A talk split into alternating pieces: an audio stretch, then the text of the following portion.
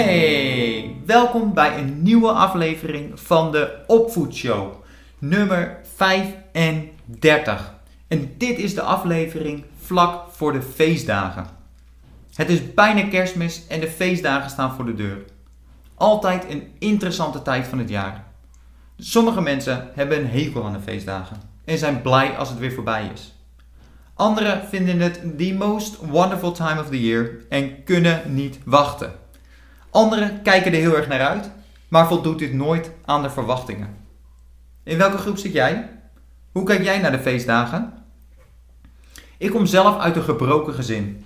En ook Debbie komt uit een gebroken gezin. Debbie en ik zijn al samen sinds we 16 jaar oud zijn. En we hebben dus al vaak de feestdagen samen meegemaakt. En het was altijd puzzelen om alle ouders te zien. Ik had persoonlijk altijd hoge verwachtingen van de feestdagen en ik keek er altijd naar uit. Maar eerlijk gezegd vielen ze altijd wel wat tegen. En dat kwam puur omdat ik de verwachting te hoog zette. Tegenwoordig ben ik tijdens de feestdagen in Centraal-Amerika, in Nicaragua, en vier ik een tropische kerst. En hier hebben we nieuwe tradities opgebouwd, waarbij we op kerstavond altijd een kampvuur op het strand doen. En het is een afgelegen strandje en daar heb je dan één klein, nou ja, restaurant kan je niet noemen, het is meer een shack. Maar daar hebben ze de allerlekkerste hele vis die we dan bestellen en tijdens de zonsondergang opeten. Eerste kerstdag vieren we vervolgens met een groep internationale vrienden met een brunch bij iemand thuis bij het zwembad. En tweede kerstdag komen we samen met Nederlanders die hier ook zijn en hebben we gezamenlijk een kerstdiner. Waarbij ik vroeger altijd had dat het vaak tegenviel, zit ik nu in die groep van die most wonderful time of the year. Maar goed, laten we het over jouw feestdagen hebben. Wat zijn jouw plannen? En hoe kun jij nou ook in die groep van de most wonderful time of the year komen? En volgens mij ligt die sleutel in het minimaliseren of het omgaan met conflicten tijdens de feestdagen. Vroeger bij mij in het gezin waren door het jaar heen regelmatig conflicten en emoties die niet altijd onder controle waren. Maar op de een of andere manier met kerst was dit not done. Dan mocht het niet en kon het de avond verpesten. Daarom wil ik tijdens deze aflevering vijf manieren bespreken om conflicten tijdens de feestdagen te minimaliseren of om te gaan met de conflicten. Laten we snel beginnen. Oké, in deze aflevering wil ik dus vijf tips meegeven om om te gaan met conflicten tijdens de feestdagen. En hoe jij als ouder nou ook in die groep van de most wonderful time of the year kan komen. Daar gaan we. Nummer 1. Die eerste is het creëren van rituelen. Zoals ik in aflevering 32 heb besproken over het Sinterklaas, zijn rituelen ontzettend belangrijk in de ontwikkeling en opgroeien van kinderen. Het zijn die kleine dingen die je herinnert aan de feestdagen, die met familie altijd terugkomen. Niet per se de cadeaus of dat juist het eten, maar juist die bijzondere momenten samen. Heb je na aflevering 32 al over rituelen nagedacht? Heb je al een ritueel kunnen starten voor Sinterklaas? Denk ook na welke rituelen je wil creëren voor de feestdagen. Dit kan een bepaalde maaltijd zijn. Of zoals ik ook toen al zei, van dat iedereen een bepaalde rol heeft bij het klaarmaken van een maaltijd. Of juist het tijdstip van de maaltijd, dat je juist heel laat of heel vroeg eet. Of de plek van de maaltijd, dat je het ergens eet. Een film die je samen kijkt. Of juist elk jaar schaatsen op een volgelopen veldje en daarna warme chocolademelk drinken. Het zijn allemaal kleine dingen. Maar op het moment dat je die consistent doet, elk jaar, zullen het bijzondere herinneringen voor je kinderen worden. Onthoud, het ritueel is dus iets simpels, wat je elk jaar heel gemakkelijk kunt herhalen. En focus hierbij ook niet dat het een speciaal moment moet zijn. Zelden merk je op het moment zelf dat die bijzonder is, vaak merk je dat pas achteraf. Belangrijk is om ze te implementeren en vervolgens te genieten van het samen zijn en de consistentie van het ritueel. Dus dat is de eerste tip. De tweede tip is creëer nieuwe overtuigingen. Via de media, films en de maatschappij als geheel wordt altijd het perfecte plaatje van de feestdagen voorgehouden. Altijd bijzondere momenten waarbij er iets speciaals gebeurt. En hier wordt altijd de verwachting geschept van de, van de feestdagen dat het de most wonderful time of the year moet zijn. en dan de nadruk op moet. En wat gebeurt er dan?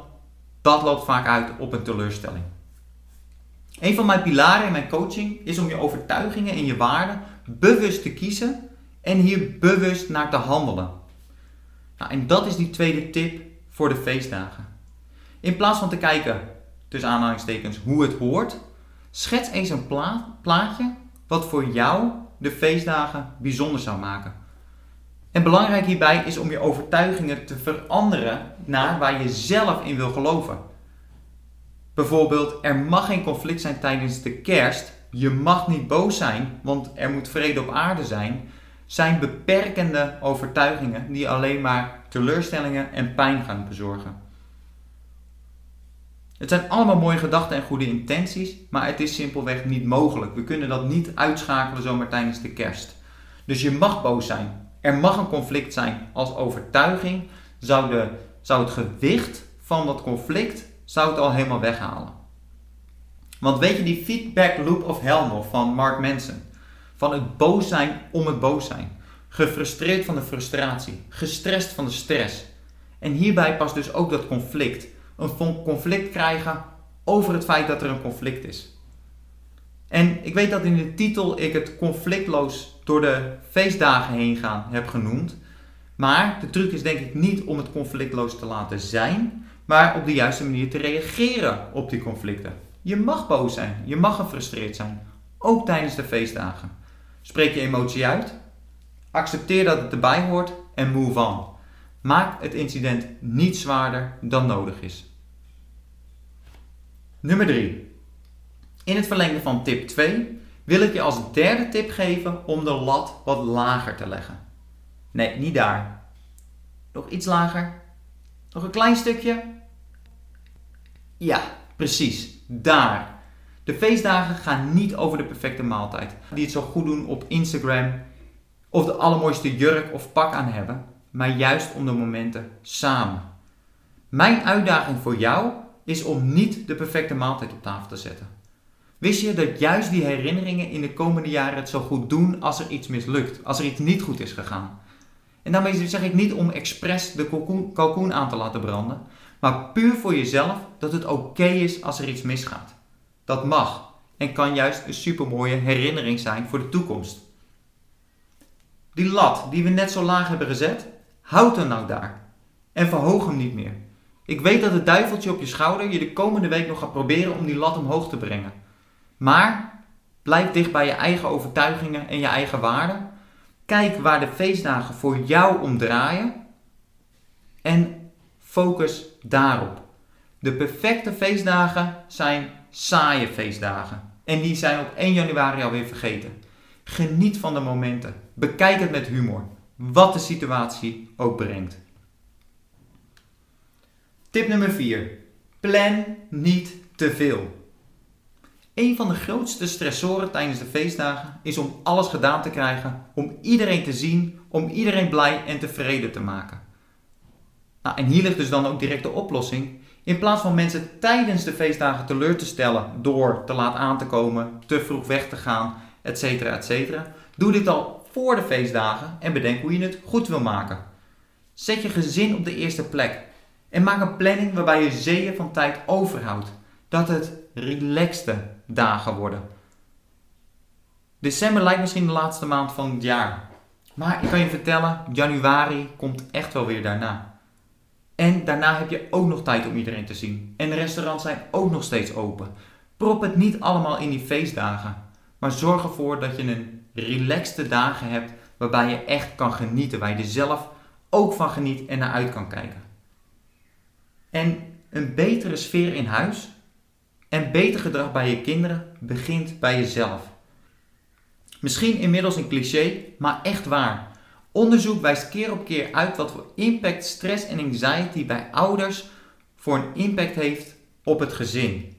En ik wil je aanmoedigen om op jezelf te focussen. Als jij relaxed bent, als jij geniet, zul je, zal je gezin relaxed zijn, zal je gezin genieten en zal die positieve energie overslaan op de rest. Tip nummer 5 en de laatste. Zorg voor de juiste voorbereiding en verwachtingen. En dit is de laatste tip en misschien ook wel een overkoepelende. Het geheim zit hem dus in de voorbereiding en de verwachtingen. Kijk van binnenuit wat jij het belangrijkste vindt aan de feestdagen en bereid dit voor hoe jij dit kunt bereiken. Zorg dat jij oprecht geniet en dit zal overslaan op de rest van het gezin. Laat het duiveltje op je schouder de lat niet omhoog duwen, maar houd hem laag. Gaat het je lukken, denk je? Verandert het je perspectief op de feestdagen? Dat het dus niet draait om anderen blij te maken, maar om jezelf blij te maken, want ik op die manier de grootste impact maakt op de rest van het gezin? Ik weet dat je het kan en ik gun het je zo. Ik wens je hele relaxte en imperfecte feestdagen toe. Met vele mooie herinneringen waar je later, jij en je gezin, nog vaak en veel om zullen moeten lachen. Dit was de aflevering van vandaag. Zet hem op, je kunt het. Tot volgende week. Ciao.